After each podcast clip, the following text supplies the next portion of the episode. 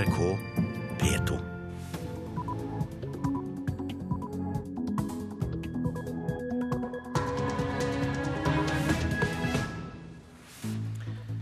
Øystein Heggen tar deg med i Nyhetsmorgen i dag, torsdag 12. desember. Nå klokka 6.30 er dette hovedsaker. Væpnet ran av familie i Stange i Hedmark i natt. 200 i kø for operasjon etter nakkeprolaps. De har ventet i 11 måneder eller mer. I Finnmark vil flere kommuner nekte utlendinger å jakte og fiske i fjellet og på vidda. Og tysk politi vil avsløre ulovlig nazimusikk med en ny mobilapp. De tyske nazimiljøene har styrket seg de siste årene, og myndighetene ønsker nå å gå hardere til verks mot dem. Et av midlene er å ramme fremveksten av nazimusikk. Og kampen for kanelboller er blitt eh, anti-EU-kamp for Senterpartiet. Liv Signe Navarsete kommer i studio.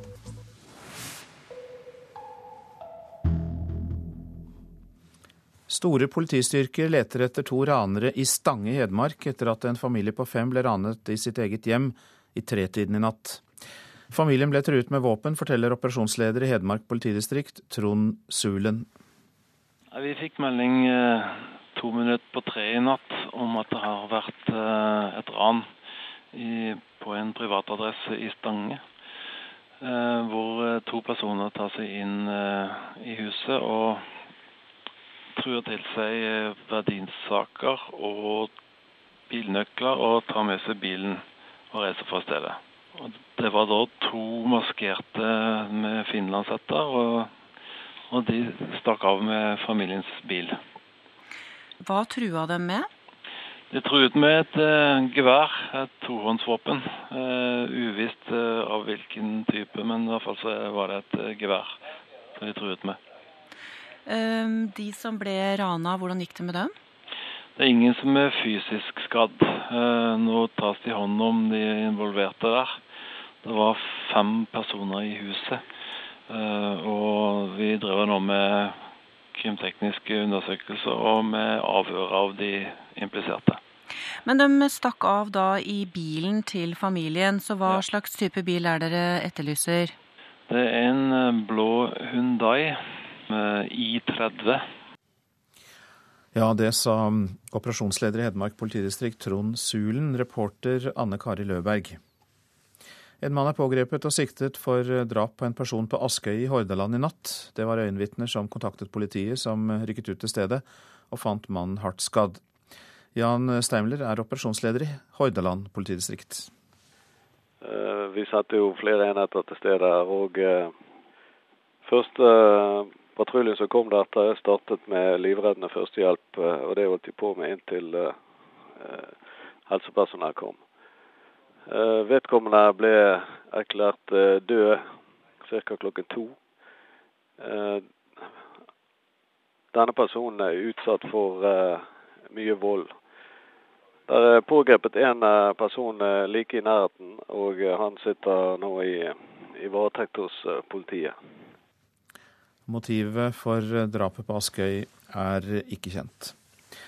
200 personer eh, er i kø for å få operasjon etter nakkeprolaps. De har ventet i 11 måneder eller mer.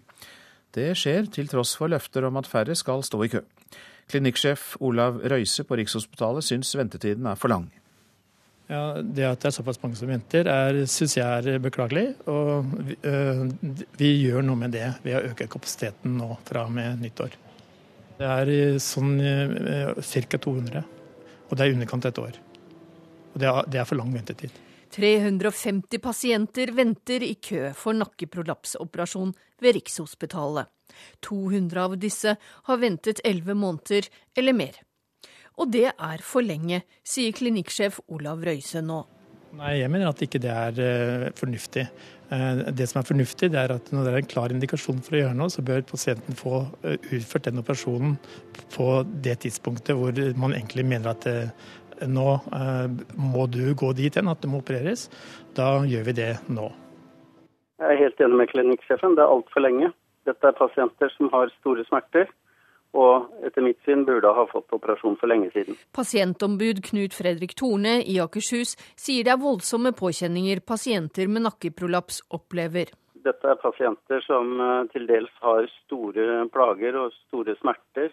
Mange av disse pasientene er avhengig av vanedannende medikamenter over tid for å døyve smertene. Og en del pasienter vi har snakket med, beskriver en hverdag som består i å stå opp om morgenen og bare komme seg gjennom dagen med tabletter og smertestillende. Og det er også dyrt å ha folk ute av jobb i mange måneder, selv om det ikke fremkommer på sykehusets egen regning, sier pasientombudet. Samfunnsøkonomisk så kan det umulig være et uh, bra regnestykke. Sykehusene bør være flinkere til å gi pasientene frister, så de kan få betalt behandling andre steder enn på Rikshospitalet. Det mener pasientombud Knut Fredrik Torne i Akershus. Og når fristen ikke overholdes, så kan pasientene gå til fristbruddskontoret og få operasjonen utført i utlandet om nødvendig. Så blir regninga for det sendt til eh, sykehuset, og da tenker jeg at det vil gå ganske raskt. Så vil sykehuset bedre kapasiteten på dette feltet. Jeg må skynde meg å si at Olav Røise sier også at han tror det vil bli bedre neste år. Det får vi jo håpe, men eh, med 200 allerede i kø som har venta et år, så må kapasiteten bli betraktelig bedre før, eh, før de er i mål. Reportere her Hedvig Bjørgum og Ann Kristin Listøl. I Finnmark vil flere kommuner nekte utlendinger å jakte og fiske i fjellet og på vidda. Finnmarkseiendommen, organisasjonen som forvalter grunn- og naturressurser i fylket, vil godta at kommunene gjør det. Men så er det slik at jusseksperter mener at det ikke går an å stenge utlendinger ute. Terrengsykkel som hjelpemiddel på fisketur. Utenkelig for de fleste, men skal man tro ordførere på indre strøk av Finnmark, et stort problem der utlendingene pekes ut som verstinger. De vil stenge all utmark for utlendingene, dvs. Si utmark som befinner seg mer enn fem kilometer fra vei. Det her sa Tana-ordfører Frank Engele i forrige uke. Vi ser jo en økende eh, motorisert ferdsel fra utlendinger som ønsker å komme langt inn på vidda, både på barmark og på snedekt. Og eh, det er også en kulturforskjell i forhold til hvordan man høster av de lokale ressursene. Nå kan det være et nytt lovverk på gang, men før man kommer så langt, har Finnmarkseiendommen bedt advokatfirmaet gjort om ei juridisk vurdering av saka. Ei vurdering som ikke ga de svarene finnmarksordførerne håpa på. Det generelle utgangspunkt i finnmarksloven er at enhver har rett til å fiske med stang og håndsnøre på finnmarkseiendommens grunn, og at dette også omfatter personer som ikke er bosatt i Norge. Vi kan ikke se at det er påvist at trusselen fra utenlandske fiskere er så stor at det truer interessene. Heter det blant annet. Men den slags skremmer ikke styreleder i Finnmarkseiendommen, Harald Larsen. Jeg er opptatt av at eh, hvis det er et brennende ønske i kommunene å få innføre femkilometerssonen, så skal vi gjøre alt vi kan for å få det til. Hvordan skal dere klare det med slike juridiske vurderinger til stede? Det kan godt hende at det er noen nyanser i de formuleringene der som gjør at man kan eh, bruke et annet type lovverk enn det vi har snakket om tidligere. Men det må vi få lov å sette oss inn i. En av ordførerne som har uttrykt sin frustrasjon, er Knut Roger Hansen i Porsanger. Han applauderer utspillet fra lederen i Finnmarkseiendommen. Ja, altså Vi har jo på Sjanger ytra et sånt ønske. og Dersom det er signalene nå fra Fefo-sjefen at man har tenkt å mer eller mindre overse EØS-regelverket og gjøre det som faktisk er Fefo sitt mandat, nemlig å gjøre det beste for folk i Finnmark, så er jeg kjempeglad. Du sier du har fått tilbakemelding fra publikum om ting. Hvilke ting? Det går bare på det at på enkelte vann kanskje blir det veldig mye folk fra andre land. Forsøpling, tilgrising. Det er en påstand som ikke jeg kan verifisere her og nå. men men man får nå høre sånne ting i løpet av en vinter, kanskje spesielt vinterhalvåret. Men man må jo også tenke at man ikke går helt til det ekstreme. Det er jo mange som har venner, venner og familie på andre sida. Fiskegrensa bl.a. Man kan ikke bli så tøvete at ikke de skal få lov å være med på tur. Så det må være balanse i alt det her. Reporter, det var eh, Alan Klo. Ja, Senterpartiet går til kamp mot EU-regler som begrenser bruk av kanel i bakervarer. Kanel inneholder stoffet kumarin, som kan gi leverskader. Og du er kommet hit, Liv Signe Navarsete, leder i Senterpartiet, og har fylt studio med duften av kanelboller. Hvorfor det? Takk forresten. jo, det er jo en fantastisk måte å starte dagen på med duftende kanelboller. Det gjør jo ikke jeg heller hver dag, men jeg er jo de som elsker kanel. Og burde vært ganske sjuk hvis kanel er så skadelig som, eh, som en kan tro, når EU lager et eget direktiv for det. Eh, for i et balansert kosthold eh, så tror jeg neppe dette er et problem i det hele tatt. Ja, hva, er det, hva er det med reglene dere reagerer på, da? Vi reagerer på detaljreguleringen fra EU. Rett og slett i ei tid der det er skyhøy arbeidsløse og finanskrise, der folk virkelig må gå fra hus og hjem og ha store problemer, så bruker en tid på å regulere kanelmengden i boller. og så hører jeg at Erna Solberg sier at hun skal redde skillingsbollene i i eh, Bergen. Det som vi oppe i Sogndalsdalen kaller fretlandsboller med kanel i svingene når jeg vokste opp. Eh, det er jo for bergensere nasjonalretten. Men jeg tror ikke at Erna Solberg eh, skal bruke tiden sin på, på, den slags. Hun bør heller bruke tiden sin på å sikre at vi får beholde prosenttoll, at vi får beholde beskyttelse for sparepengene våre i banken, at vi kan sende post til samme pris i hele landet. Men alt dette har jo sagt at eh, hun ikke kommer til å ta kampen for. seg. jeg må jo si jeg stussa veldig på, eh, på statsministeren sine prioriteringer på hva hun skal kjempe mot EU-byråkratiet på. Ja, det er mange saker, men du, du kjemper jo kanelbollens sak her. Eh, samtidig så er det jo slik at Mattilsynet anbefaler folk å begrense inntaket av kanel, og da snakker vi om det norske Mattilsynet. Ja, for de følger opp EU. Ja, det, det... ja, Men er det helt feil det Mattilsynet sier, da? Nei, Hvis folk eh, setter til livs eh, mengdevis med kanel for dagen, så kan det Men det blir jo som med alle andre matvarer. Hvis en ensidig hiver innpå eh, med med én type matvare, enten det er krydder eller det er annet, så vil det ofte være skadelig store mengder. Men hvem er det som gjør det? Ikke engang min mor på snart 88 hiver innpå kanel i sånne mengder, selv om hun eter graut nesten hver dag. Og jeg tror hun har gjort det nesten hele livet, men hun er frisk og oppegående for det. Og jeg syns ja, den... det, viktigste Mattilsynet bør gjøre, og andre, det er å tilrå folk å ete et balansert kosthold, og så sikre folk den balansen sjøl, altså. Ja, jeg kan skjønne at du er irritert på EU og detaljregler, og den, den bollen jeg har fått av deg, det er veldig god, men samtidig så skal vi vel på slutten legge til at Mattilsynet er bekymret for at det kan bli for mye kanel på grøten for små barn. At det er særlig der man skal passe på. Ja, det, det, skal kan, vi ikke glemme. Nei, og det syns jeg en kan gjøre uavhengig av å lage et direktiv. For det direktivet regulerer jo hvor mye kanel bakerne skal ha i sånne gode boller som du sitter og koser oss med nå. Og da tenker jeg at det er et døme på hva en bruker ressursene på i EU-byråkratiet. Og det er derfor vi tar opp kampen mot kaneldirektivet. Vi syns bare det er tåpelig. Eh, Mattilsynet, helsemyndighetene, skal selvfølgelig gi gode råd, men vi trenger ikke direktiv fra EU for at folk skal bruke sunn fornuft i inntak av kanel. Da takker jeg Senterpartileder Liv Signe Navarsete for um, at du kom, og for kanelbollen. Sjøl takk. Så til det avisene skriver om i dag. Pendler fra Polen og firedobler lønnen, skriver Aftenposten om bussjåfør Janusz Adamczyk, som jobber i Oslo. Slik finansierer han villa hjemme i Polen, utdannelse til barna og ferieturer til familien. Arbeiderpartiet er kirkepartiet, skriver Vårt Land. Nesten tre av fire Ap-velgere vil beholde skolegudstjenestene, og partiet kommer dermed på andreplass i oppslutning om skolegudstjeneste, etter Kristelig Folkeparti. Av befolkningen som helhet er det sju av ti som ønsker å beholde skolegudstjenester i julen, så lenge de elevene som ikke ønsker å delta, får et fullverdig alternativ.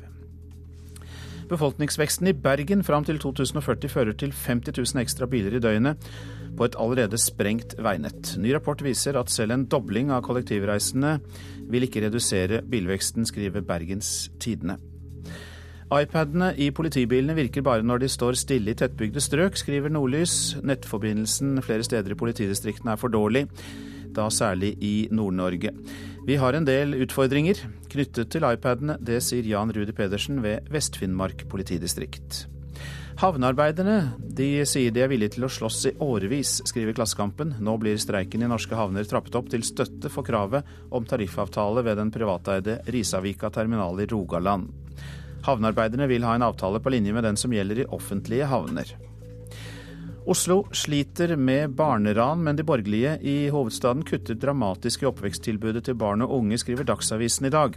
Et hjerterått budsjett, sier Hanne Brunvoll i Utdanningsforbundet om kutt i fritidsklubber og barnehager.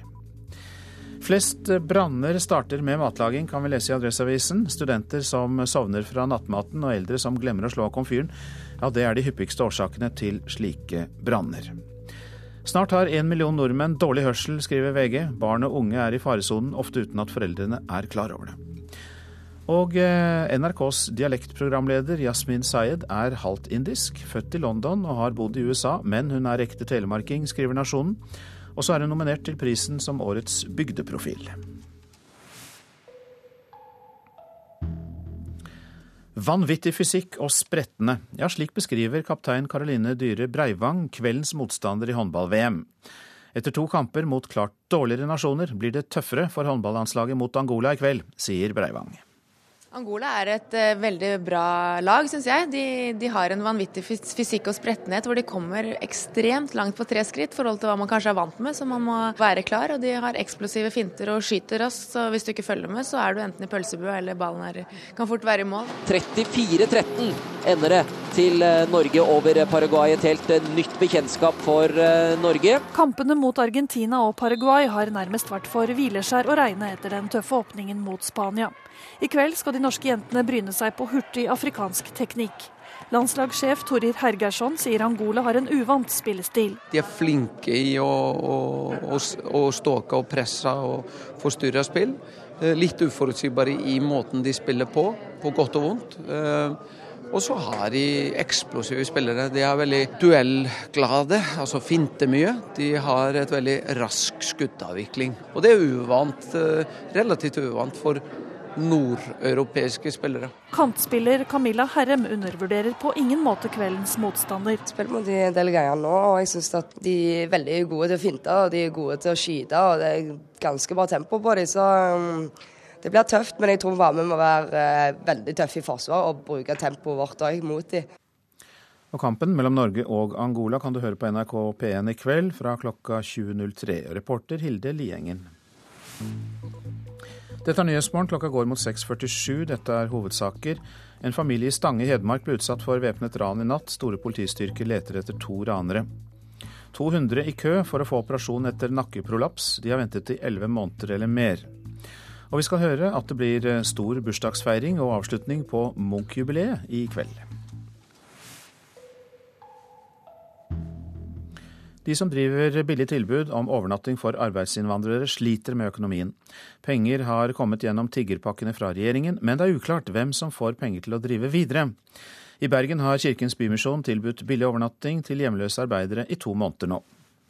Like hotel, like okay. De sju køyesengene i sovesalen minner han litt om militæret, men Mike fra Litauen trives. For 15 kroner får han dusj og overnatting mens han leter etter arbeid. Klokka halv åtte må vi ut. Når vakta kommer om morgenen, lager han alltid kaffe til oss. Jeg syns det er bra at Norge gjør livet lettere for oss utlendinger.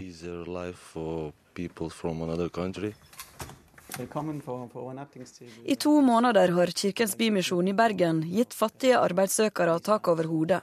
Hver kveld kommer 10-15 personer fra EØS-land med høy arbeidsledighet. Jeg har lært takk på ganske mange forskjellige språk. Prosjektleder Sebastian Svalbach samler på suksesshistorier. Det var siste uke at um, to gjester som har vært der siden første natten nesten, fortalte meg veldig klart at de har nå fått en en leilighet og trengte ikke tilbudet lenger. Det er derfor vi har det prosjektet, at uh, vi hjelper folk i en nødsituasjon. Vi har erfart at det har ikke vært en eneste natt uten at det har vært besøkende her. Det er behov for det. Men pengene fra tiggerpakka tar snart slutt, ifølge Leif Jarle Theis, leder for Bymisjonen i Bergen. Da regjeringa gav 10 millioner kroner til akuttilbud over hele landet, skulle det vare til nyttår. Akuttovernattinga trenger 2,7 nye millioner. Eh, det er satt av penger på statsbudsjettet som vi har søkt, og vi krysser fingrene og håper at vi får midler til, til helårsdrift i 2014. Det er ikke nok penger til alle i den potten ut ifra de søknadene som er levert inn. Jeg har prøvd å finne jobb her, men jeg er ikke heldig. Mike har lett etter arbeid i fem måneder. 27-åringen skal reise hjem til Litauen, men han kommer tilbake. Jeg vil lære meg norsk. Uten norsk er det vanskelig, men jeg gir ikke opp. Jeg vil finne meg arbeid. Reporter i Bergen, Runa Victoria Engen. Det var ydmykende at president Jacob Zuma ble pepet ut under minneseremonien for Nelson Mandela. Det innrømmer nå sørafrikanske myndigheter. Landive Zulu er talskvinne for Jacob Zuma. Publikum svarte med høylytt buing hver gang bilder av Sør-Afrikas president Jacob Zuma ble vist på storskjermen, og da han entret scenen på fotballstadionet i Johannesburg. Anklager om korrupsjon og maktmisbruk florerer i Sør-Afrika, og Zuma får mye av skylden. Zulu sier til BBC at folk har en rett til å vise sin misnøye, men at minnemarkeringer var helt feil sted å gjøre det.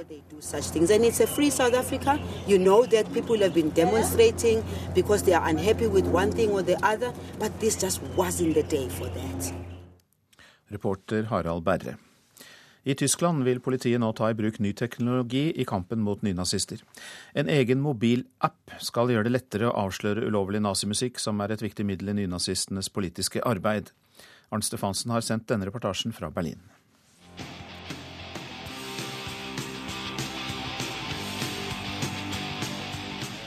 Forbudt, men ikke død, heter denne rockelåten fra nynazistgruppen Kraftslag.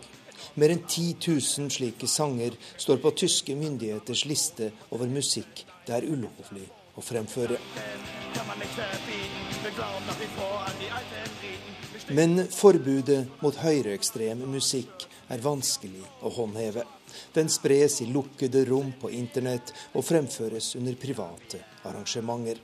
I tillegg er det vanskelig for politiet å holde oversikt over hva som er forbudt. Nå har dataeksperter hos delstatspolitiet i Saksen i det østlige Tyskland utviklet en egen programvare som skal lette dette arbeidet. Wir wollen nicht, dass ein Sachbearbeiter vor einem achtstündigen Internett-radiostream-Mitschnitt sitzt, sondern wir wollen, dass der Vi vil unngå at en medarbeider må sitte i åtte timer ved en internettradio for å finne ut hvilke nazisanger som er ulovlig, sier René Klause i politiets dataavdeling. Det programmet vi har laget, kan startes når vi går hjem for kvelden, og neste morgen er lista med de forbudte sangene klar. Vi har nå lagt inn 6000 titler på vår svarteliste, og det kommer stadig nye til, sier dataeksperten.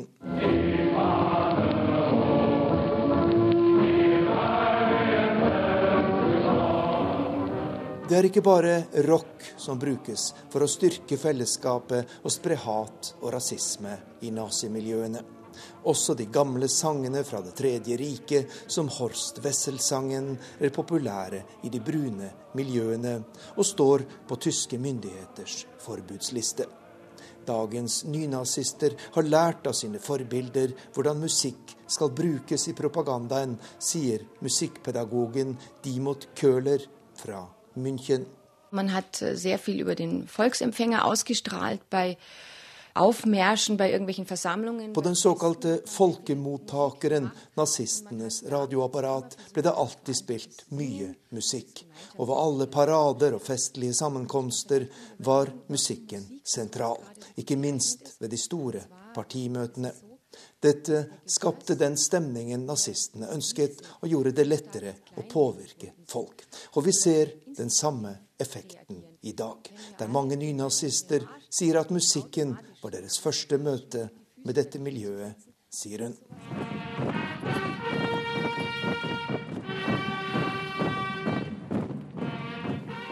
De tyske nazimiljøene har styrket seg de siste årene, mener ekspertene. Og myndighetene ønsker nå å gå hardere til verks mot dem.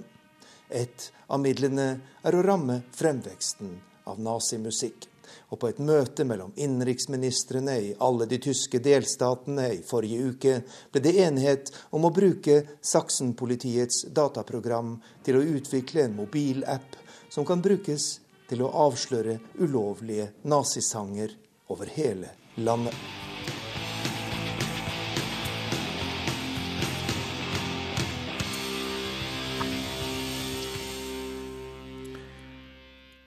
I kveld avsluttes eh, Munch-jubileet med en festforestilling. Det skjer i Elverum, nøyaktig på dagen 150 år etter at kunstneren ble født i nabokommunen Løten. Allerede i går ankom de første utøverne.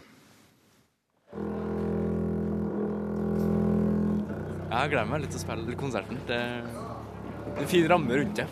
De har øvd på konsertprogrammet i et par uker, og i går ankom Mathias Sunde Valseth og de andre ungdomssymfonikerne kveldens festlokale. Vi gleder oss jo veldig. Et Munch-år som er markert både lokalt, nasjonalt og internasjonalt, avsluttes med egen festforestilling i Terningen Arena i Elverum. Hvor vi har valgt forskjellige verk som er fantastisk vakre, som vi liker veldig godt og som er vår gave til Edvard Munch på hans gebursdag. Sier kveldens dirigent Rolf Gupta. Det Her er fra Ryli barnehage i Løten.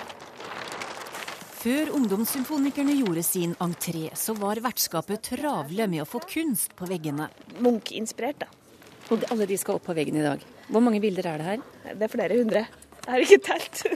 Sier prosjektleder for Munch 150 i Løten, Kjersti Sandvik. For unga i fødekommunen til Munch har lært om han i hele år. I Løten har vi hatt barn og unge som satsingsområde hele tida. Altså Edvard Munch hadde et barndomsforhold til Løten. Altså gode barndomsminner.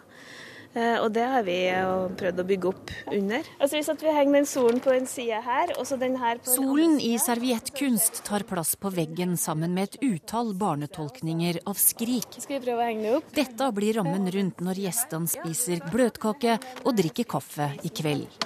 1, 2, 3, 4, 5, 6, 7, 8, 9, 10 annenfiolin. Scena gjøres klar, og pauker, basser og de andre store instrumenta rulles inn til forventningsfulle ungdomssymfonikere. Det Munch eh, har gjort, det er jo helt, helt utrolig. Det er kunst som virkelig treffer meg, da.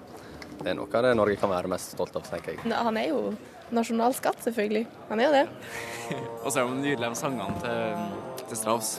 Ja, Richard Strauss, Beethoven og Stravinskij står på programmet, mens Carl Ove Knausgård er kveldens festtaler. Veldig artig. Og det er en bursdag verdig? Ja, absolutt. Jeg håper min 150-årsdag blir, blir, like flott. da begynner vi å spille i uh, besetningsrekkefølge. 150-årspresongen til Munch åpnes altså i sin helhet i kveld. Vi gleder oss jo veldig, og vi håper at uh, ikke bare Edvard Munch, men også publikum kommer til å bli glad for denne måten å feire hans bursdag. Alle som har lyst, kan få komme hit og oppleve finalen. Og det er vi veldig glad for at jeg har fått til.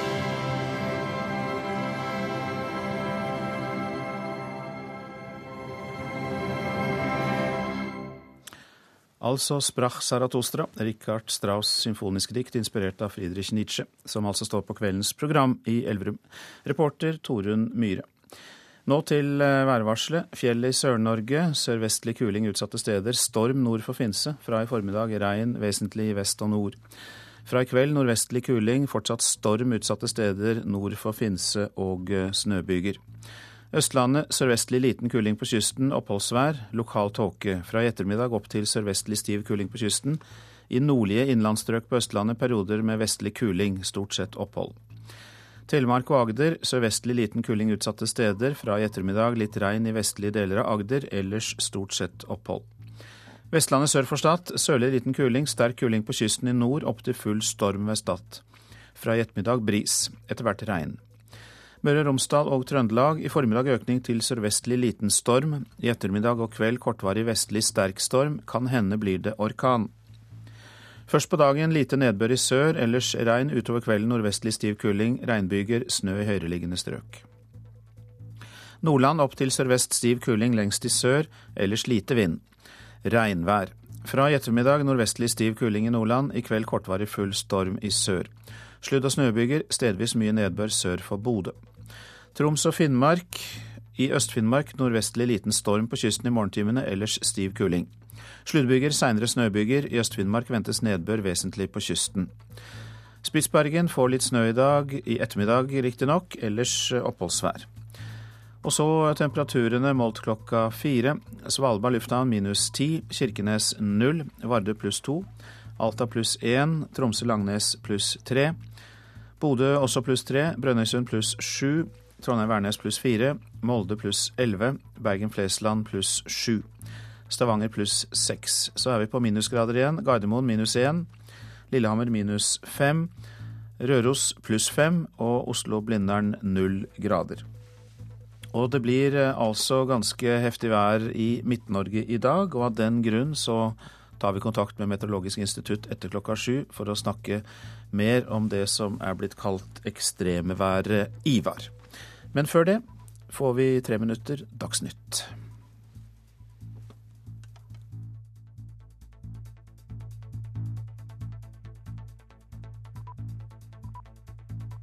NRK P2. Utenlandske sjåfører kommer til Norge med falske førerkort. Farlig, sier politiet. Og Senterpartiet til kanelkamp mot EU.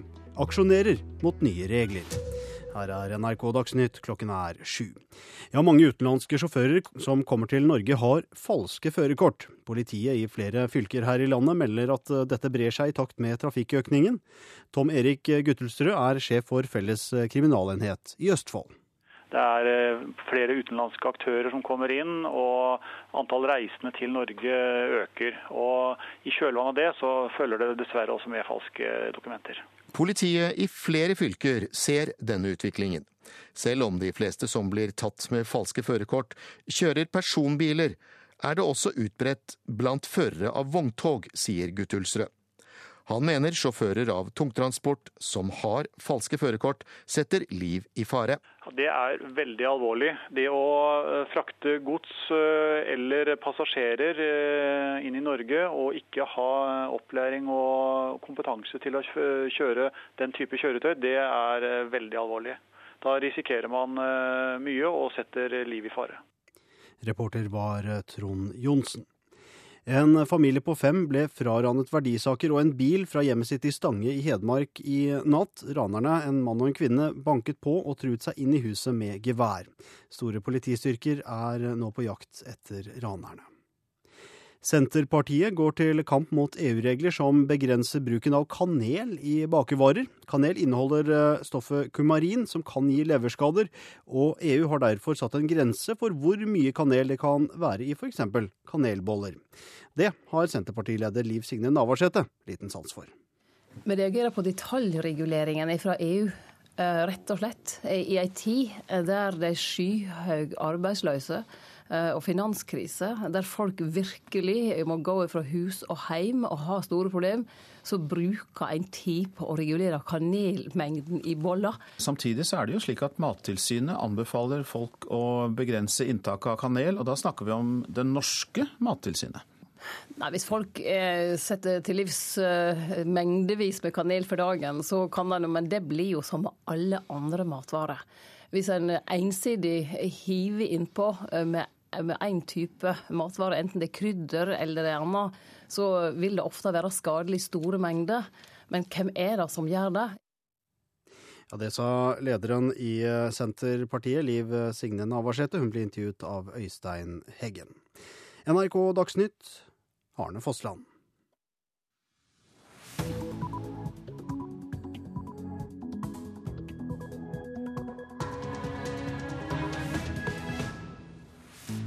I dag kommer ekstremværet Ivar til å feie inn over Midt-Norge, og meteorologen sitter klar for å hjelpe oss til å forstå hva som kan komme til å skje. Vi klager mindre på diskriminering enn før, og bare et fåtall av klagerne får medhold. Og vi skal høre mer om at falske førerkort florerer blant utenlandske sjåfører. Protestlederen i Thailand siktes for drap. Ja, god morgen, Haldis Berge. God morgen. Du er med oss fra studio i Bergen. Du er meteorolog ved Meteorologisk institutt der. Og vi har dette ekstremværet som er blitt kalt eh, Ivar. Og når eh, og hvor vil det treffe? Det vil treffe eh, Nordmøre og Trøndelag. Den sterkeste vinden blir nok i Sør-Trøndelag, men det blir en god del vind på Nordmøre og i Nord-Trøndelag òg. Og det er i ettermiddag. En vil få en kortvarig vest- og nordvestlig sterk storm. Det kan hende en får eh, orkan på kysten. Og en vil òg få sterk vindkast innover land. De kan komme opp i 40-45 meter per sekund. Og den sterkeste vinden er venta å være mellom eh, tre og seks i ettermiddag. Da han kommer først på Nordmøre, og så eh, kommer han i Sør-Trøndelag og Nord-Trøndelag etterpå. Opp i orkanstyrke, hva slags skader kan denne vinden føre til?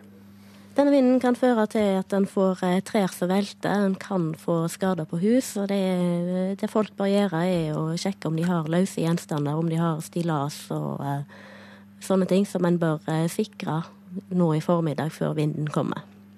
Og dette gjelder altså spesielt uh, Midt-Norge? Dette gjelder Nordmøre og Trøndelag. Når kan dette kraftige været være over? Når drar det videre? Vinden den løy allerede i kveld, så eh, på Nordmøre så tror jeg at i seks-syv-tida så er det verste over. I Trøndelag så vil det verste være over til i eh, åtte-tida. Åtte-ni-tida. Det gjelder altså å forberede seg til de timene dette står på. Kan, kan, du si litt om eh, hvorfor det oppstår så veldig sterk vind nå, hva som, hva som ligger bak? Det er et lavtrykk som nå ligger øst for Færøyene, som går nordøstover og treffer da kysten av Trøndelag i ettermiddag. Og det lavtrykket det, det, bygger seg opp og blir eh, til et stormsenter da, utover formiddagen og ettermiddagen. Er det noen eh, flere slike skumle stormsentre og lavtrykk som står i kø, som dere gjerne sier? Det er flere lavtrykk som står i kø, men de ser ikke så skumle ut, de som kommer etterpå. så det er det fortsetter nok med, med bygevær og regnvær på, i, i våre områder. Da får vi satse på at folk i ja, som du sier, Nordmøre og Trøndelag stålsetter seg for å møte ekstremværet Ivar, som kanskje kan komme opp i orkankast, var det ikke slik du sa? Ja, det kan, det kan bli kortvarig orkan på kysten, og innover land kan en vente vindkast på 40-45 meter per sekund da i eh, ettermiddagstimene og tidlig i kveld. Da har vi slått fast det. Takk skal du ha, Haldis Berge, som altså er eh, vakthavende meteorolog eh, ved Meteorologisk institutt i Bergen. Vi klager mindre på diskriminering enn før, og bare et fåtall av klagerne får medhold. Det viser tall fra Likestillings- og diskrimineringsombudet. Likestillingsombud Sunniva Ørstavik sier diskriminering er vanskelig å bevise. Det handler jo av og til om at det ikke har vært et diskriminerende forhold, eller at det ikke er bevis gode nok som tilsier at du har blitt diskriminert i lovens forstand. Her jobber jeg. Her uh, styrer jeg med delelageret. Det ligger skruer og muttere i forskjellige bokser. Mira Johannessen jobber på et verksted for tungtransport. Den jobben hadde hun egentlig tenkt å lære seg i Forsvaret, men ADHD førte til at hun aldri kom lenger enn til førsteopptaket. Saken ble klaga inn til Likestillings- og diskrimineringsombudet, men ifølge de er ikke det her diskriminering. Først så tenkte jeg at uh, det her kan ikke være sant. Jeg trodde ikke at det var sånt man faktisk ikke kom inn i Forsvaret for, for det er jo veldig mange forskjellige typer av ADHD. Det er ikke sånn at du har ADHD og derfor er du sånn og sånn. Halvparten av alle klager ombudet mottar ender som det her, ikke diskriminering. De siste årene har det også blitt færre klagesaker å behandle, halvparten så mange som i 2009. Ombudet mener det her skyldes mer veiledning og et nytt lovverk, men samfunnsforsker Arnfinn Midtbøen tror ikke det er hele bildet. Jeg tror ikke Guden er så enkel. Eh, vi vet jo at det er sånn at ganske mange av de klagesakene som, som kommer inn til ombudet, ender opp med å være, eh, bli definert som ikke diskriminerende, enten pga. beviset stilling eller, eller, simpelthen fordi det ikke viser seg å være grunnlag for diskriminering. Og hvis det brer seg en, en type opplevelse blant eh, grupper som kanskje er mer utsatt for diskriminering enn andre, i at det ikke hjelper å klage, så kan det også være en forklaring på en sånn type eh, nedgang. Hittil i år har ombudet mottatt 166 klager, hovedsakelig fra personer som mener de er diskriminert pga. funksjonshemming, alder, kjønn eller etnisitet.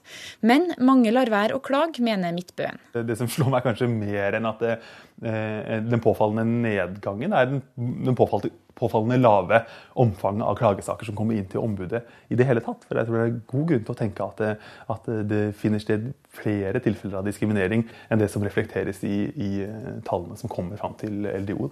Etter runder med likestillingsombud og nemnd forsøker Mira Johannessen og ADHD Norge å få svar fra rettsvesenet. Det må en ny tolkning av lovverket til for at hun skal kunne avlegge militærtjeneste. Nå er det to år siden hun forsøkte. Det er, eh, det er en kjip ting å bli nekta å komme inn et sted du har lyst til å være fordi du er, har ADHD. Det er en ting du er født med. Det er på en måte ikke noe du kan noe for. Reporter her, det var eh, Marit Gjelland. God morgen, Katrine Egeland. Du er forskningsleder ved Arbeidsforskningsinstituttet og har evaluert Likestillings- og diskrimineringsombudet i 2009. Og eh, hvordan lykkes de i å håndheve dette diskrimineringsproblemet?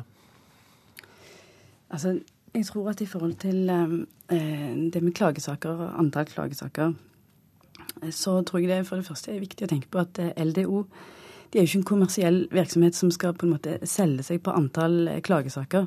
Eh, og jeg tror òg at det er litt viktig å se på eh, det ganske vide mandatet eh, som ombudet har. De skal både være lovhåndhever i forhold til en rekke diskrimineringsgrunnlag, men i tillegg så skal de være pådriver, som det heter, for likestilling eh, og antidiskriminering eh, i Norge som sådan. Det er et ganske vidt og ganske uklart mandat, egentlig. Eh, og jeg tror egentlig at LDO gjør den jobben de skal innenfor det mandatet. Ja. Men Likestillings- og diskrimineringsombudet de har altså et vidt mandat, som du sier. Men ligger det noen forklaring eh, i det arbeidet du har gjort på at uh, antall klager går ned? Ja, det er noen mulige forklaringer. Mm. Eh, det ene det gjelder jo rett og slett det med synlighet. Altså Det vi fant i sin tid, var at eh, det herska en viss grad av forvirring i befolkningen. Vi gjorde en befolkningsundersøkelse. Eh, og det herska en viss grad av forvirring eh, omkring hva LDO overhodet drev på med.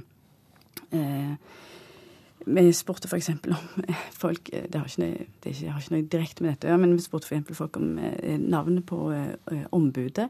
Og de fleste trodde at navnet på ombudet var det samme som navnet på barne- og likestillingsministeren. Så jeg tror at det er noe med ombudets synlighet i befolkningen. Det kan forklare noe på antall klagesaker. Og så er det hva ombudet faktisk kan gjøre, hva de har mulighet for å gjøre. Eh, noe de ikke kan gjøre, det er å opptre som eh, rettshjelper eller partre, partsrepresentant eh, i diskrimineringssaker. De kan egentlig bare synse om ting, men de kan ikke gjøre noe de utover det? Kom, de kan komme med en uttalelse mm. om ting, men de kan ikke eh, opptre som advokat. Eh, dette tror jeg eh, kan oppleves kanskje som et problem for publikum, da, som kanskje håper på å få mer hjelp når man da henvender seg til ombudet, enn det man faktisk kan få. Ja, for de som eh, da kan ha diskriminert, er ikke forpliktet til å følge ombudets anbefaling eller eh, ta kritikken til etterretning? Eller de, de kan bare ta den til etterretning uten å gjøre noe? Ja. Mm. Er det slik at uh, ombudet klarer å nå fram til de som virkelig trenger å hjelp til dette med diskriminering? Nei, det er jo nettopp ikke sikkert at eh, de gjør det. Eh, fordi eh, folk som henvender seg til eh, LDO, eh, er kanskje i en situasjon, en sårbar situasjon i utgangspunktet. Når i det de henvender seg, eh, hvis de da gjennom en veiledning, da, fordi LDO gir jo veiledning, hvis de gjennom denne veiledningen eh, da får vite bl.a. at eh, LDO ikke kan opptre som en slags advokat i de sak, eh, da kan det kanskje ta motet fra folk til å eh, ville faktisk gjennomføre en klagesak. da. Takk for at du opplyste oss om dette, Katrine Egeland, som altså er forskningsleder ved Arbeidsforskningsinstituttet og eh, evaluert likestillings- og diskrimineringsombudet. Takk skal du ha. Så skal vi eh, høre om falske førerkort som florerer blant utenlandske sjåfører. Politiet i flere fylker melder at det brer seg i takt med trafikkøkningen. Sjef for Felles kriminalenhet i Østfold, Tom Erik Guttulsrød, ser også denne utviklingen. Det er en, eh, en utvikling som følger eh, egentlig eh, all trafikk, at det er en globalisering. Det er flere utenlandske aktører som kommer inn, og antall reisende til Norge øker. Og I kjølvannet av det så følger det dessverre også med falske dokumenter. Politiet i flere fylker ser denne utviklingen. Selv om de fleste som blir tatt med falske førerkort, kjører personbiler, er det også utbredt blant førere av vogntog, sier Guttulsrød. Han mener sjåfører av tungtransport som har falske førerkort, setter liv i fare. Det er veldig alvorlig. Det å eh, frakte gods eh, eller passasjerer eh, inn i Norge og ikke ha opplæring og kompetanse til å kjøre den type kjøretøy, det er veldig alvorlig. Da risikerer man eh, mye og setter liv i fare. Dokumentforfalskning er noe politiet tar på alvor, understreker Guttulsrød. Ja, Vi eh, foretar kontroller av dokumenter hver eneste dag. Vi har to stillinger som eh, dokumentgranskere, som skal være våre spesialister. Vi har eh, spesialutstyr eh, for å kunne identifisere eller finne fram til falske dokumenter. Og, og våre medarbeidere har dette som en av sine oppgaver hver eneste dag, å sjekke om de dokumentene de blir forelagt er riktige eller falske. Og reporter her, det var Trond Johnsen. Klokka den passerte nettopp kvart over sju, og dette er hovedsaker. Flere klager på diskriminering, bare et fåtall får medhold. Likestillingsombudet når ikke fram til alle grupper som trenger deres hjelp. Det sa forsker Katrine Egeland nettopp her i Nyhetsmorgen. En familie i Stange i Hedmark ble utsatt for væpnet ran i natt. Store politistyrker leter etter de to ranerne. Og vi skal høre mer om at det er store variasjoner i kommunenes tilsyn med nybygg. Tak som blåser av i ekstremvær, skjerper nå kravene til utbyggerne.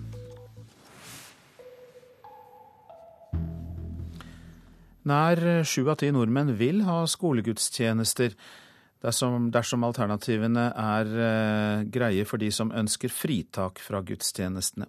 Det viser en ny meningsmåling Vårt Land har utført.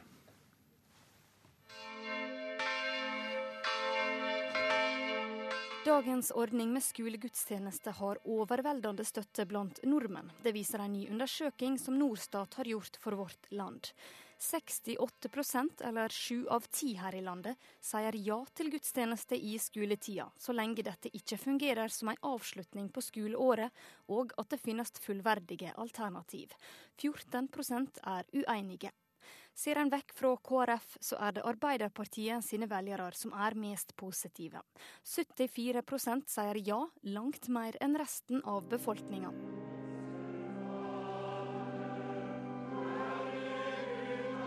I si høringsfråsegn om Norge som livssynsåpe samfunn, så sa Utdanningsforbundet i høst nei til å holde fram med gudstjenester i skoletida.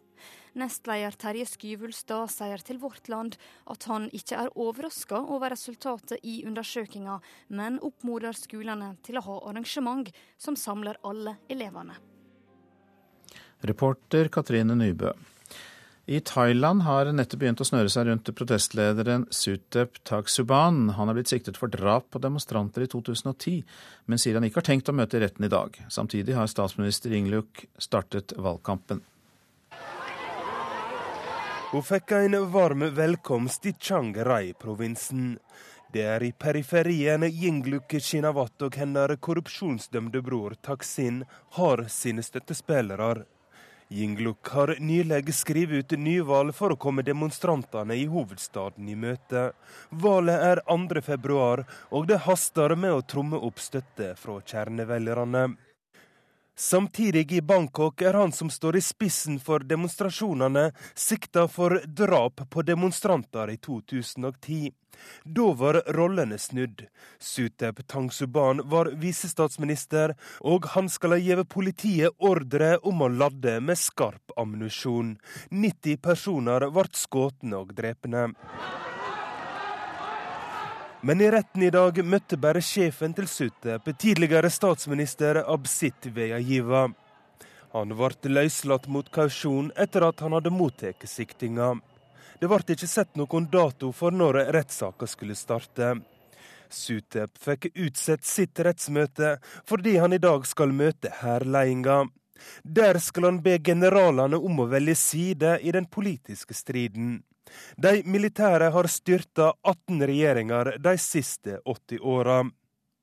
Men tilhengerne til statsminister Yingluk advarer hæren. De vil oversvømme hovedstaden med demonstranter fra landsbygda, skulle noen prøve å avsette regjeringa. Reporter Roger Severin Bruland. Joshua French, eh, advokat, krever ny gransking av avdøde Kjosvold Molands blodprøver fordi det er motstridende analyseresultater av eh, prøvene.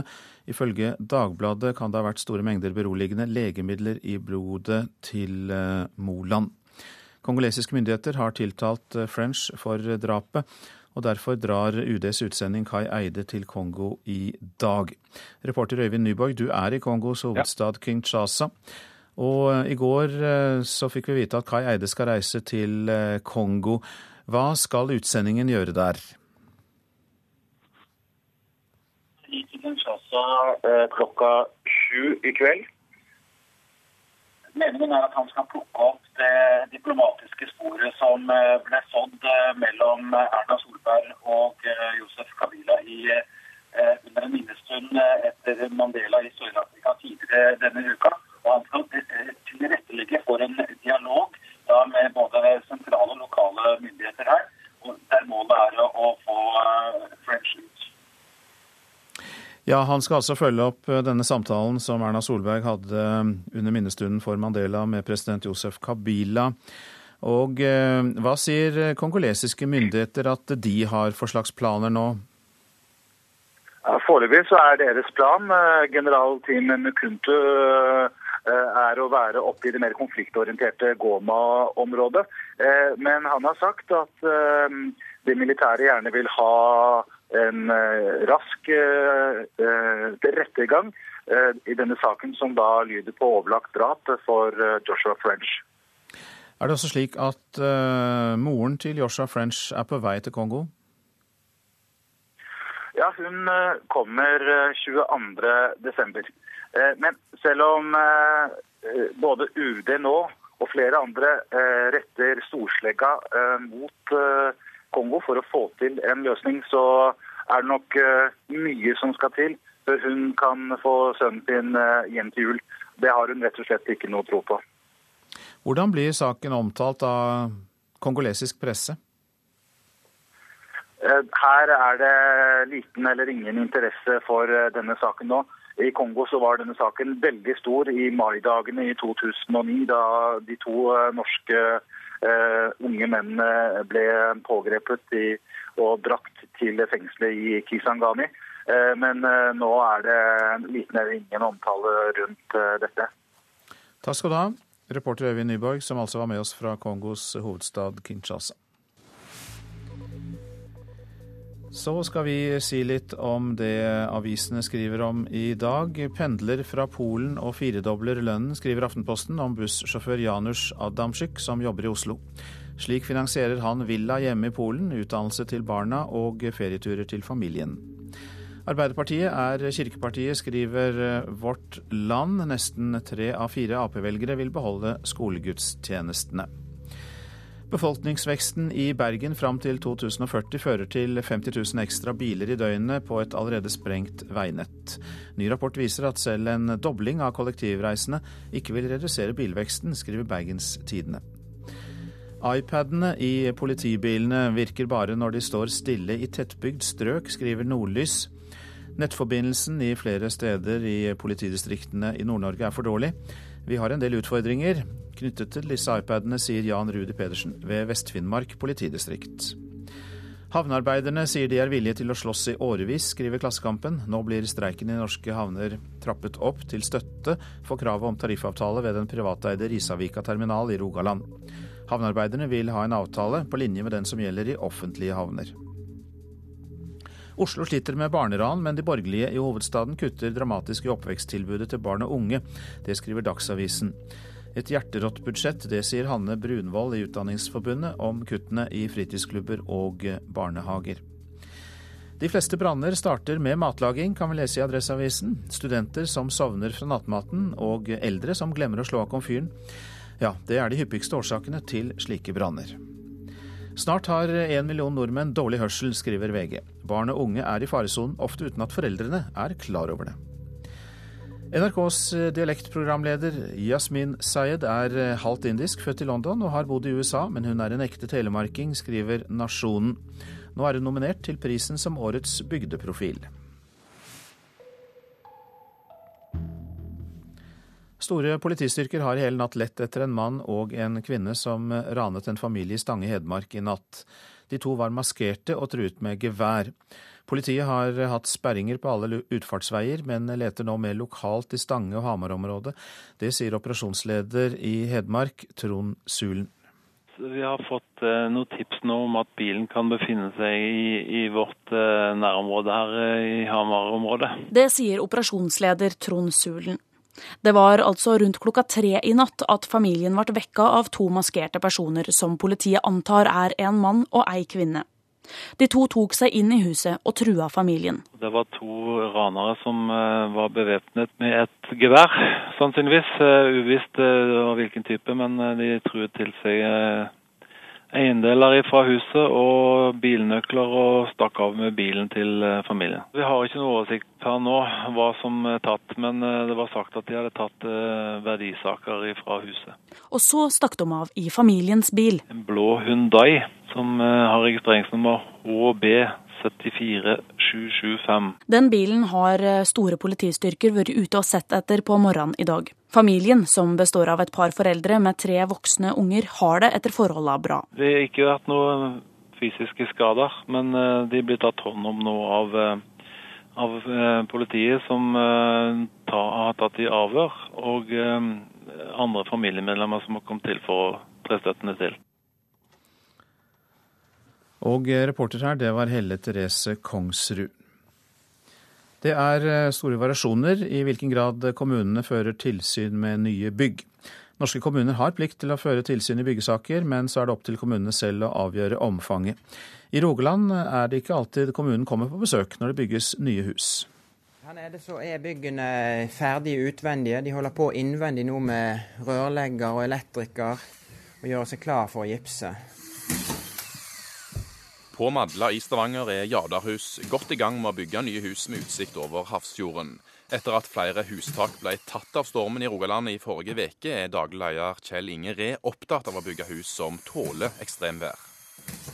Et værutsatt sted, kan vi jo si. Så på denne plassen her så tror jeg det vil være viktig at vi har gode innfestinger, og at det bygges på en skikkelig måte. For her er en plass som fort det kan rive og røske i husene. Ingen av Jadarhus sine hus ble tatt av stormen, men byggeselskapet er opptatt av hvordan nye hus kan bli sikra bedre mot storm og uvær. Sjøl har de interne kontroller. I tillegg har kommunen plikt til å føre tilsyn i byggesaker. Men de kommunale tilsynene varierer stort, ifølge Re. Ja, der er variasjoner, og det er vel en av de tingene som kan uh, tas opp. og det er at Noen kommuner fører nesten ikke tilsyn, mens andre er forholdsvis gode på det. Det mener òg byggesakssjef i Sandnes kommune, Mette Brox. Det kan se ut som det er veldig forskjellig hvor langt en er kommet i forhold til det å føre tilsyn. Noen eh, kommuner har eh, veldig aktivt tilsyn, altså med dedikerte personer som driver utelukkende med det, eh, og har satt av de ressursene. Mens andre kommuner har ikke dedikerte personer til dette her, og er i mye mindre grad kommet i gang, eller kanskje ikke i gang i det hele tatt. Det er opp til kommunene sjøl å bestemme omfanget og innholdet i eh, tilsynene i byggesaker utenom det som er pålagt av staten. I fjor førte landets kommuner tilsyn i knapt 13% av byggesakene, viser tall fra Direktoratet for byggkvalitet. I tråd med målsettingene, sier avdelingsdirektør Ketil Krogstad, som er klar på hvem som har størst ansvar når hus må gi tapt i kampen mot værkreftene. Det er jo de som bygger som har hovedansvaret. Det må det aldri være tvil om. Og kommunenes tilsyn vil aldri være en mekanisme som skal si hovedmekanisme som skal avdekke denne type feil. I Sandnes har kommunen fire ansatte som bare arbeider med tilsyn i byggesaker. Men sjøl det kan bli knapt i en kommune med stor byggeaktivitet, og med tanke på været vi har i vente. Det kan jo se ut som at um de siste åra har det blitt mer ekstremvær. og klart eh, da, Det fører jo med seg en del eh, hensyn som en må ta gjerne i prosjekteringa. At en må ta høyde for de toppene en kanskje ikke har tatt like mye høyde for tidligere. Disse værtoppene ønsker Jadarhus å ta omsyn til, og daglig leder Kjell Inge Ree har klare synspunkt på hvordan tilsynet til kommunene bør være. Jeg tror at kommunene skal fortsette litt av sånn som de tenker nå, med at de ønsker å sjekke systemene til selskapene. Ehm, det var en stund en diskusjon på at de skulle gå veldig detaljert til verks, men da er vi redd for at for det første så bruker de mye tid, det kan bli mye krangling mellom selskapene om faktiske løsninger. Eh, så Derfor så tror vi hvis de sjekker systemene godt og øker tilsynet med det, så vil vi få gode bygg. Reporter her, det var Magnus Stokka. Du lytter til Nyhetsmorgen. An den schönen blauen Donau. Bli med til Wien og wienervals i reportasjen etter Dagsnytt. I Politisk kvarter der blir eh, temaene miljø og eh, klima. Ja, faktisk et toppmøte om klima. Prosent eh, for Nyhetsmorgen, Tonje Grimstad. Her i studio, Øystein Heggen. Og vi minner om webstedet radio.nrk.no, der du kan lytte til alle NRKs radiokanaler. Spole deg bakover og høre på det som er sendt tidligere, og laste ned tidligere programmer.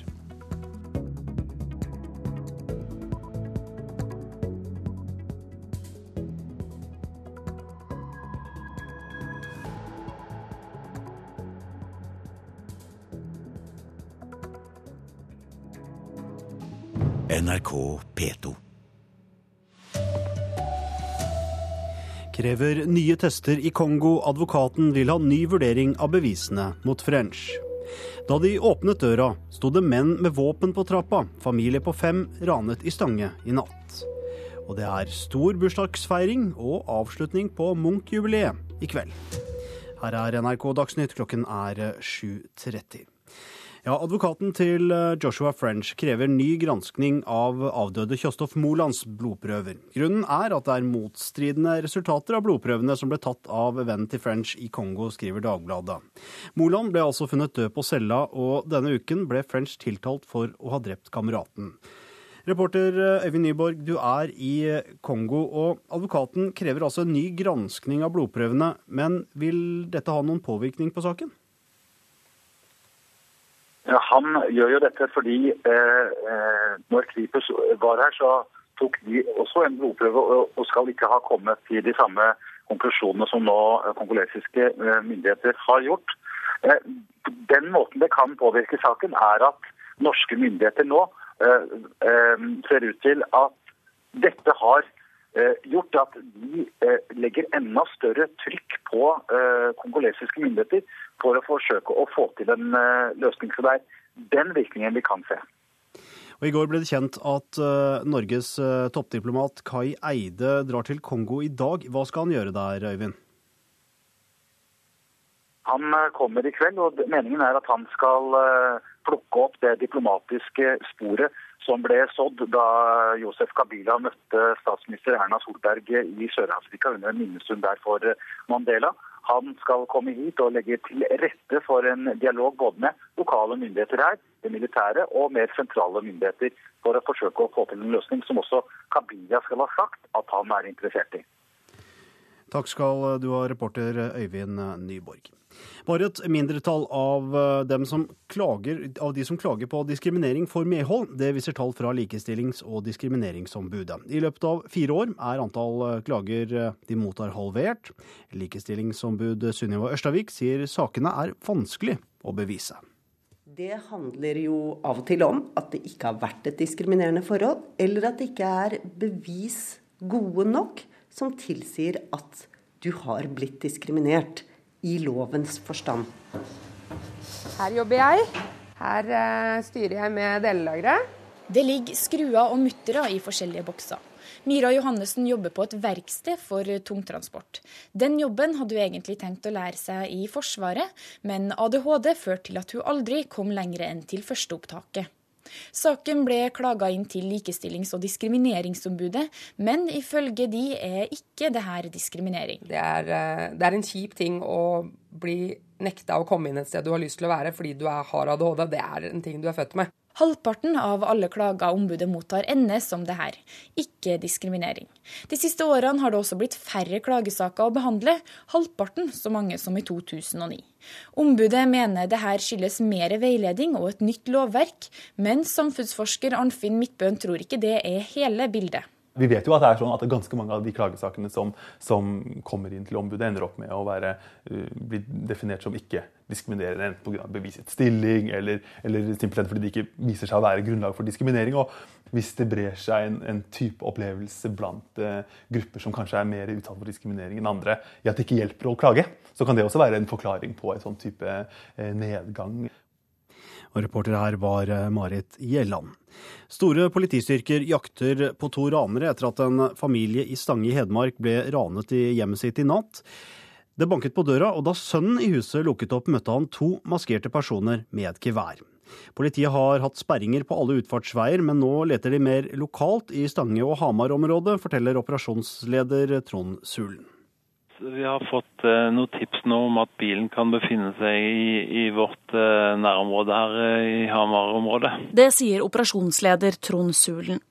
Det var altså rundt klokka tre i natt at familien ble vekka av to maskerte personer som politiet antar er en mann og ei kvinne.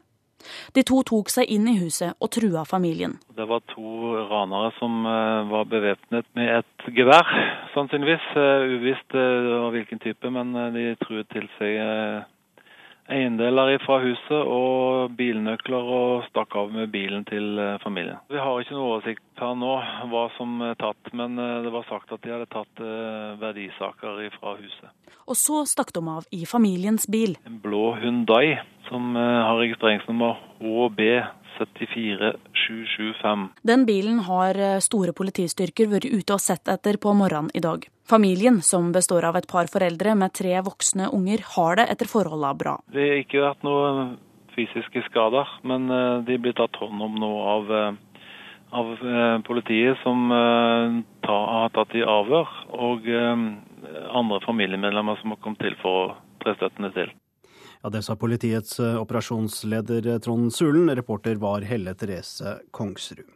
På Askøy i Hordaland er en mann pågrepet og siktet for drap på en annen mann i natt. Politiet rykket ut til en hytte på Herdla ved halv to-tiden, etter å ha blitt varslet av naboer. Det forteller lensmannen på Askøy, Odd Dale. Da politiet kom til stedet der, så uh, påtraff de da uh, en person som uh, erkjente at han da hadde vært involvert i, i den saken her. Og så fant man da en person i en hytte der ute som da var død. Man forsøkte opplivning, men det var ikke vellykka. Og Mannen som nå er pågrepet, er ifølge politiet en kjenning av politiet. Nær sju av ti nordmenn vil ha skolegudstjenester, hvis alternativene er greie for de som ønsker fritak. Det viser en ny meningsmåling Vårt Land har fått gjort. Dagens ordning med skolegudstjeneste har overveldende støtte blant nordmenn. Det viser en ny undersøking som Norstat har gjort for Vårt Land. 68% eller sju av ti her i landet, sier ja til gudstjeneste i skoletida, så lenge dette ikke fungerer som en avslutning på skoleåret, og at det finnes fullverdige alternativ. 14% er uenige. Ser en vekk fra KrF, så er det Arbeiderpartiet sine velgere som er mest positive. 74% sier ja, langt mer enn resten av befolkninga. Sa reporter Katrine Nybø. Munch-jubileet avsluttes i kveld med festforestilling arrangert av fødekommunen Løten og Munch 150 på dagen 150 år etter Edvard Munchs fødsel. Og i går kom de første gjestene. Jeg gleder meg litt til å spille konserten. Det er en fin ramme rundt det. De har øvd på konsertprogrammet i et par uker, og i går ankom Mathias Sunde Valseth og de andre ungdomssymfonikerne kveldens festlokale. Vi gleder oss jo veldig. Et Munch-år som er markert både lokalt, nasjonalt og internasjonalt, avsluttes med egen festforestilling i Terningen Arena i Elverum. Og vi har valgt forskjellige verk som er fantastisk vakre, som vi liker veldig godt, og som er vår gave til Edvard Munch på hans bursdag. Sier kveldens dirigent Rolf Gupta. Richard Strauss, Beethoven og Stravinskij står på programmet, mens Carl Ove Knausgård er kveldens festtaler. Veldig artig. Og det er en bursdag verdig? Ja, absolutt. Jeg håper min 150-årsdag blir, blir like flott. Det. Ja, reporter her var Torunn Myhre, og P2 har en spesialsending om Munch i dag klokken 14. Vanvittig fysikk og spretne. Slik beskriver Karoline Dyhre Breivang kveldens motstander i håndball-VM. Etter to vanskelige kamper mot klart dårligere nasjoner blir det i kveld langt tøffere mot Angola, sier landslagskapteinen. Angola er et uh, veldig bra lag, syns jeg. De, de, har en vanvittig fysikk og sprettenhet hvor de kommer ekstremt langt på tre skritt i forhold til hva man kanskje er vant med, så man må være klar. Og de har eksplosive finter og skyter raskt, så hvis du ikke følger med, så er du enten i pølsebua eller ballen er, kan fort være i mål. 34-13 ender det til eh, Norge over Paraguay. Et helt eh, nytt bekjentskap for Norge. Kampene mot Argentina og Paraguay har nærmest vært for hvileskjær å regne etter den tøffe åpningen mot Spania. I kveld skal de norske jentene bryne seg på hurtig afrikansk teknikk. Landslagssjef Torir Hergersson sier Angola har en uvant spillestil. De er flinke i å, å, å, ståke og presse og forstyrre spill. Og så har de eksplosive spillere. De er veldig duellglade, altså finter mye. De har et veldig rask skuddavvikling. Og kampen mellom Norge og Angola kan du høre på NRK P1 i kveld fra klokken 20.03. Reporter her var Hilde Liengen.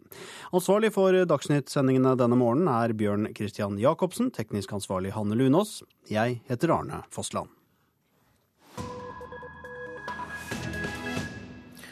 Dette er Nyhetsmorgen. Donau er ikke bare en livsåre for sentrale deler av Europa. Elven har også inspirert til musikk som ser ut til å overleve alle motebølger. Og nå før jul og nyttårsfeiring så er valsekursen i gang i Østerrike, til veldig kjente klanger. Da, da, da,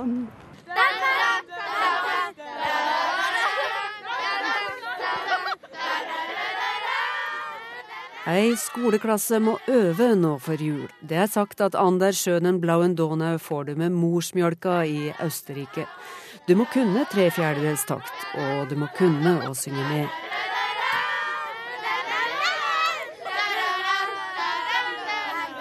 Der Dreivierteltakt, glaube ich, hoffe ich zumindest, lebt noch immer in Wien. So wie wir jetzt gesehen haben bei den Schülern.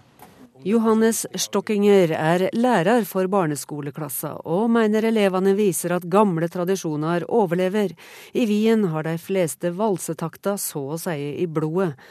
For nordmenn er det kanskje aller mest nyttårskonserten, staselige kjoler og snippdresser i store ballsaler vi forbinder med Johan Strauss sin mest kjente komposisjon. For somme kritiske røyster er musikken oppfatta som litt for polert, litt som historieskrivinga har vært i Østerrike. Ei kvinne som ser på dansende par i ei Wiengate, vil ikke være med på at wienervalsen er en del av identiteten. Ich mag ihn schon sehr gern, aber die Begeisterung, die man in Wien für die Walzerseligkeit aufbringt, die lebt nicht in mir. Valsen er ikke en del av meg, sier Ingrid Sjån, men overalt blir det øvd nå før høgtida. Og blant profesjonelle musikere er det med stor entusiasme at en tar for seg hele verket, alle fem deler av den kjente Donau-sangen.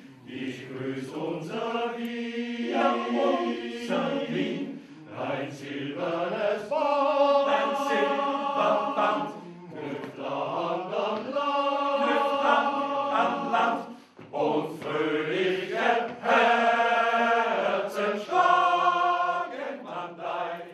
Kordirigenten Wilfred Mantel mener en nettopp må høre også femte og siste del av Anders Schönenblauen Donau for å kjenne hvordan melodien griper tak.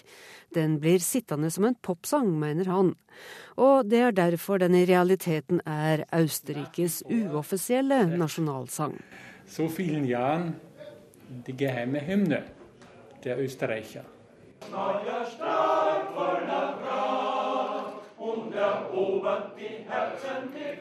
og om musikken er identitet for mange i Østerrike, så er elva som har inspirert til musikken, kanskje like viktig for det vesle sentraleuropeiske landet. Og her på Donau-båtene hører også de klassiske tonene med. Ja, nur positive Erfahrungen. Wir spielen den Donauwald meistens beim Abschluss, wenn wir in Wien wieder ankommen und die Leute das Schiff verlassen. Und da sieht man so richtig das Leuchten in den Augen und da schmelzen sie teilweise dahin. Vi avslutter gjerne turene med Donausangen, og vi kan se at våre gjester lar seg rive med, sier kapteinen. Og en entusiastisk turist stemmer i med det som for henne er opplagt med en tur til Wien. Everybody should know to waltz, right? One, two, three, one, two, three, one, two, three.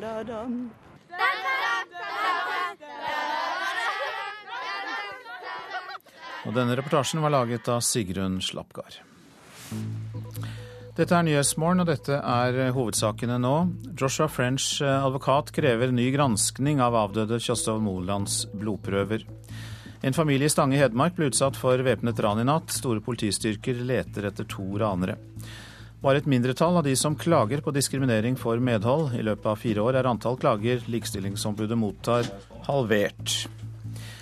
Og så, det blir klimatoppmøte i Politisk kvarter, programleder Lars Nehru Sand. Ta på naturvernet når kommunene skal Nei, når snøscooterne vinner terreng. Og hvordan skal klimaforliket overoppfylles av Høyre-Frp-regjeringen?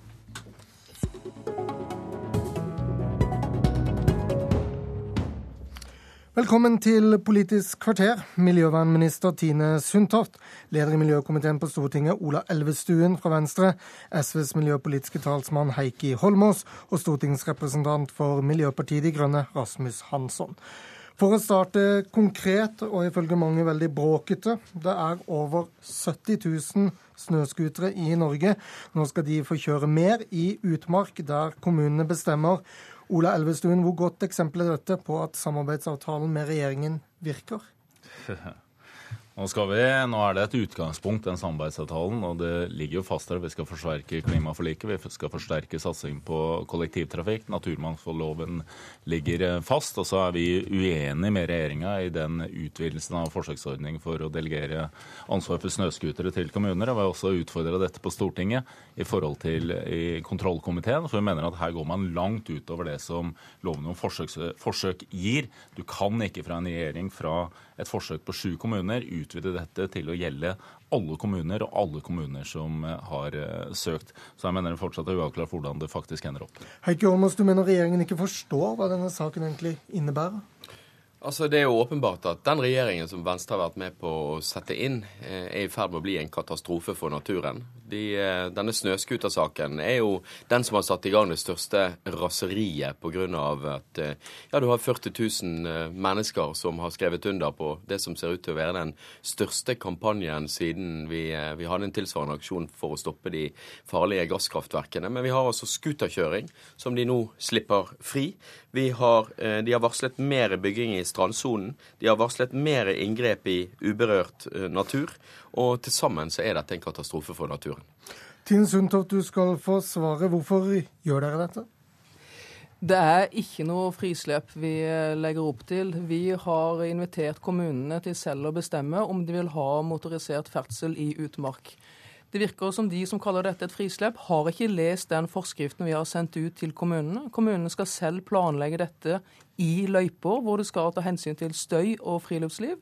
Det skal være en ordentlig planprosess på dette. Det er ikke noe frislepp. Vi tror at mange av våre kommuner er så store at det er plass til både de som ønsker å stille natur, og de som ønsker å kjøre snøscooter i løyper. Dette er ikke noe frislipp. Men når kommunene får mer makt, så får du mindre nasjonal kontroll over naturvernet. Og det bør du være enig i all den tid det er hele poenget, at du skal ha mindre makt, og kommunene skal ha mer makt. Det er viktig for denne regjeringen å gi kommunene mer makt. Og da får du mindre nasjonal kontroll? Ja, men ja. det er også sendt ut en forskrift som gir klare føringer for den makten kommunene her får. Hvis vi går litt videre til naturmangfoldet som sådan, hva er galt med dagens praktisering av naturmangfoldloven, Sundtoft? Eh, naturmangfoldsloven er en ganske ny lov. Eh, vi skal beholde loven, men vi ønsker å se på praktisering av loven. Og hva er galt med det i dag? Eh, veldig ofte så kommer problemstillinger om natur og miljø for seint inn i planprosessen. Og så er det naturen som får skylda for at planprosessen blir forsinka. Jeg tror ikke det er bra for miljøet. Jeg tror at de problemstillingene må komme mye raskere inn i planprosessen. Men eh, loven gjelder og skal fremdeles eh, være viktig i planlegging. Tine Sundtoft bygger ned arven etter Gro Harlem Brundtland, sier du Rasmus Hansson. Hvordan gjør hun det? Jo, fordi eh, det hun bl.a. gjør, er altså å flytte eh, akkurat den planmyndigheten som er det viktigste redskapet hun har til å passe på at uh, norsk areal blir uh, disponert på en miljøvennlig måte. Den flytter hun til Kommunaldepartementet, og det er en drastisk og systematisk svekkelse av Tine Sundtovs egen mulighet til å ivareta de hensynene hun hevder at hun vil ivareta. Når det kommer sammen med sånne direkte saker som, uh, som eh, frislepp i strandsonen og frislepp av scootere. For det er et frislepp av scootere. Alle som har fulgt snøscootersaken i Norge, vet at effekten av det tiltaket som Høyre går inn for, eh, er et frislepp. Så ser man at, denne, eh, at Høyre og Fremskrittspartiet, Trine Sundtoft, Tine Sundtofts regjering, går inn for å svekke mulighetene til å forsvare norsk natur eh, i utbyggings- og eh, saker og i eh, en annen type virksomhet. Og det kommer til å ha effekt over hele landet. Og det kommer til å ha varig og irreversibel effekt, for det går ikke an å rulle disse sakene tilbake. Det er derfor vi har fått naturmangfoldloven. Det var derfor vi hadde eh, planavdelingen i eh, Miljøverndepartementet. Og det er derfor hele føre-var-prinsippet har ligget til grunn. Og det er fryktelig viktig å utfordre Tine Sundtoft og regjeringen på å skjønne hva de nå gjør, og folk som støtter dem på å skjønne hva som nå skjer. Dette er en nedbygging av Forsvaret for norsk natur, og det er helt systematisk. En av de som støtter, er altså du, Ola Elvestuen. Du sier også at dere er bekymret for det klassiske naturvernet som Hansson her beskriver. Hva frykter du blir konsekvensen av regjeringens politikk? Nå Regjeringen har jo et eh, stort ansvar, for jeg er helt enig med Rasmus Hansson at Lovavdelingen burde definitivt ikke vært flyttet ut av Miljøverndepartementet. Så nå er det jo regjeringens ansvar å sørge for at de bekymringene som nå uttrykkes fra mange partier, at de ikke oppfylles, og at det nettopp at man oppfyller det som er naturmangfoldlovens innhold, som gjør at når denne fireårsperioden er over, så skal, du, så skal arbeidet for biologisk mangfold, det klassiske naturvernet, være styrket i Norge. Men fra Venstres side så er vi uenig i en del av de grepene som dere, organisatoriske grepene som regjeringen gjør. Og så vil vi selvfølgelig eh, bruke den posisjonen vi har på Stortinget for å styrke det klassiske naturvernet. Med, det, eh, med de grepene du tar, Sundtoft, hvordan skal du sikre naturmangfoldet da? Det grepet vi har tatt med å flytte planavdelingen fra Miljøverndepartementet til eh, nå Kommunal- og regionaldepartementet, som etter nyttår blir hetende Kommunal- og moderniseringsdepartementet, eh, det å ha planlegging for stat, fylkeskommune og kommune i samme departement, også da med planavdelingen, gjør vi, for vi ønsker å få raskere planprosesser. I de planprosessene er det viktig at vi som skal ivareta naturmangfoldsloven, kommer kjappere inn i de prosessene og tar miljøhensyn tidlig i prosessen. Det er noe av det vi ønsker. Vi ønsker ikke å svekke naturmangfoldsloven. Og det er det samme formålet i plan- og bygningsloven som nå skal ivareta de samme menneskene i et nytt departement. Det er det samme forvalteransvaret som skal gjelde, men vi ønsker å gjøre dette på en annen måte for å få raskere planer igjennom. Men igjen handler det om at du får mindre nasjonal kontroll, som vi startet med. Nei, det handler om at uh, naturmangfoldsloven ligger fremdeles i vårt departement. Det er en viktig lov, men det er viktig at vi kommer kjappere inn i de prosessene og ser dette. Og igjen, vi er én regjering som skal forvalte dette som en helhet. Og det å spille departementene opp mot hverandre er også en ganske uinteressant øvelse. Etter fire år så skal vi love at vi har forvalteransvaret med oss inn i statlig og kommunal planlegging. Holmås, svært kort. Men Tine Sundtoft, du er klimaminister, og du er miljøvernminister, og er den som skal, er satt til å forvalte det å ta vare på naturen. Og det er ingenting som er viktigere for klima og for naturvernet enn at du sørger for å ha det helhetlige planansvaret.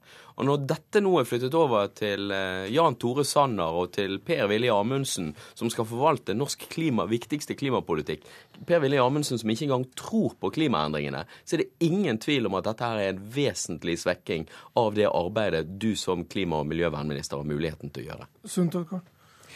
Det å personifisere det på den måten syns jeg blir eh, ganske uinteressant. Jeg sier Vi er én regjering som har et helhetlig ansvar på det. Vi har sagt at klima- og miljøspørsmål skal gjennomsyre den politikken vi nå skal føre i fire år. Så det er liksom litt tidlig å være så bombastisk på analyse på dette. at Det er den samme plan- og bygningsloven med det samme formålet, det samme forvalteransvaret. Og vi skal passe på at naturmangfoldsloven følges opp, men vi vil kjappere inn i de prosessene. Det tror jeg er en fordel for miljøet også. Det er i tillegg til å være den store miljøbudsjettdagen også den store Kyoto-dagen i Stortinget i dag. Så i den anledning, Tine Sundtoft, hvordan skal regjeringen overoppfylle klimaforliket slik dere har lovet? Eh, det vi har sagt i regjeringsplattformen, at vi skal forsterke klimaforliket. Det budsjettet vi inviterer Stortinget til å vedta i dag, sammen med våre samarbeidspartier KrF og Venstre, har en klar miljøprofil. Vi bruker mer penger på miljøsaker i 2014. Alt det er greit, men hva dere skal gjøre som de rød-grønne og Stortinget for øvrig ikke gjorde da de vedtok klimaforliket i forrige periode? Vi skal bruke mer penger på kollektivtrafikk i storbyene. Vi ønsker å ha mye tettere samhandling med storbyene enn de rød-grønne hadde. Vi ønsker å få til en karbonfangst og -lagring. Det lykkes de rød-grønne ikke med. Og vi ønsker å bruke mer penger på forskning og teknologiutvikling. Vi vet at vi rekker ikke å gjøre alt nå i 2014-budsjettet, men vi starter en endring nå og kommer til å jobbe mer med dette. Men for å gripe fast det du sier med kollektiv og storbyer. Eh, I klimaforliket så står det at all vekst i trafikken i storbyene, bl.a. her i Oslo, som får en massiv eh, tilstrømning eller tilflytting av folk, så skal det ikke være flere biler på veiene enn det er i dag, fordi all vekst skal skje med eh, kollektivtrafikk, vei og, nei, sykkel og gange. Betyr det da at det skal være færre biler på veiene i, nå, i Oslo i 2020 enn det er i dag? Ja, vi sier at uh, trafikkveksten i storbyene skal ta, som du sier, med kollektivtrafikk. Ja, ikke veksten, men mer enn veksten, da, hvis dere skal gå enda lenger enn forliket gjør i dag. Jo, og uh, Også den forrige regjeringen har fått anklager fra ESA om at luftkvaliteten ikke er god nok i norske storbyer. Så vi, vi er nødt til å gjøre noe med storbyene. Vi må satse mer på kollektivtrafikk. Det sier vi at vi skal gjøre. Bransjenettstedet Upstream og NRK fortalte før helgen at regjeringen er i forhandlinger med Statoil om elektrifiseringen av Sverdrup-plattformen. Eh, Statoil mener det blir for dyrt å elektrifisere. Kan du garantere at Stortingets forutsetning om elektrifisering ligger fast, selv om dere nå forhandler? Eh, det kan ikke jeg som eh, klima- og miljøminister garantere. Jeg vet at dette forhandles om, og det er noe av det en ønsker å få til, men jeg kan ikke garantere det. Men da ryker hele klimaforliket? Nei, det gjør det ikke. Jo, fordi det er så mange tonn det er snakk om. Elektrifisering av et av de store oljefeltene. Ja, det er ett av elementene. det er snakk om én millioner tonn økning, og dette er ikke noe som regjeringen bør forhandle om. Dette er bare noe som de bør kreve, at Utsirahøyden med Sverdrup skal elektrifiseres. Og det har regjeringen myndighet til å gjøre. Hansson? Ja, dette er jo bare ett av mange eksempler på den enorme utfordringen som denne regjeringen står overfor, og som forrige regjering har ansvar for. Norge har ikke oppfylt realiteten i den Kyoto-avtalen som vi hadde, som vi går ut av nå. Vi skulle øke utslippene våre med 1% Vi har økt dem med 7% Det er starten på en ny avtale som vi nå skal snakke om å gå inn, som krever mye større kutt enn det vi har gjennomført nå. Og som ikke kan gjennomføres med de virkemidlene som forrige regjering brukte, og som denne regjeringen legger opp til. Den nye Kyoto-avtalen som vi skal gå inn på eh, nå, og som de fleste partiene tror jeg har tenkt å stemme for, den krever en helt annen klimapolitikk med helt andre og mye mer forpliktende kutttiltak eh, enn det vi har sett nå. Så dette er en kjempeutfordring, den, den eh, forpliktelsen som alle partiene nå står overfor på Stortinget i dag. Heikki Holmås, tar du medansvaret som Rasmus Hansson vil du skal gjøre? Altså, Jeg mener det er helt nødvendig å kutte utslippene i tiden som kommer. Jeg mener det er En av de tingene som lå i den, det klimaforliket som ligger her, det er at vi skal klare å redusere utslippene drastisk i årene som kommer. Og Der har jeg den utfordringen til Tine Sundtoft. Hvis du ikke sørger for fornybar energi, men skal ha forurensende gasskraftverk på hele det Utsira-området som, som, vi snakker, med, med oljeutbyggingen som, som, er, så vil det føre til like store økte utslipp som en halv million ekstra biler på norske veier. Du, mener du overhodet det er mulig å klare å nå de klimaambisjonene som vi har satt opp, hvis du ikke sørger for fornybar energi til de oljeplattformene? Sånn. Eh, nå følger vi opp det samme oljeutvinningstempoet som den rød-grønne regjeringen la opp til. Det, jo, men elektrifisering er ingen detalj i utvinningstempoet. Det er jo to forskjellige ting. Ja, det, det er det. Og jeg sier at eh, vi sier at vi skal forsterke klimaforliket. Vi sier at vi ønsker å bruke den oljeformuen Men hvis det forhandler med Statoil, så er jo ganske masse kollektivtiltak helt meningsløse. Det er viktig. Hvis man måler i tonn det er viktig å se de ulike sakene i en sammenheng her. Jeg ser at Vi eh, kommer til å bruke den oljeformelen vi har i dag, til å endre dette samfunnet i retning av lavutslippssamfunn. Derfor vil vi bruke mer på miljøteknologi, mer på forskning, mer på infrastruktur og mer på vekstfremmende skattelettelser. Men hvor mye flere tonn CO2 skal dere kutte enn klimaforliket ligger opp til? Vi sier at vi skal forsterke klimaforliket. Det er det bred enighet om i Stortinget. Når det gjelder elektrifisering, så kan ikke jeg svare på det i dag, fordi at det foregår forhandlinger. Ja, Når det gjelder elektrifisering av Utsira, så må regjeringen bare ta det ansvaret og stille, stille krav om det. Ellers så er det jo at det vi må ha, er at vi må ha tiltak som står i forhold til de kuttene, de kuttene vi skal gjennomføre.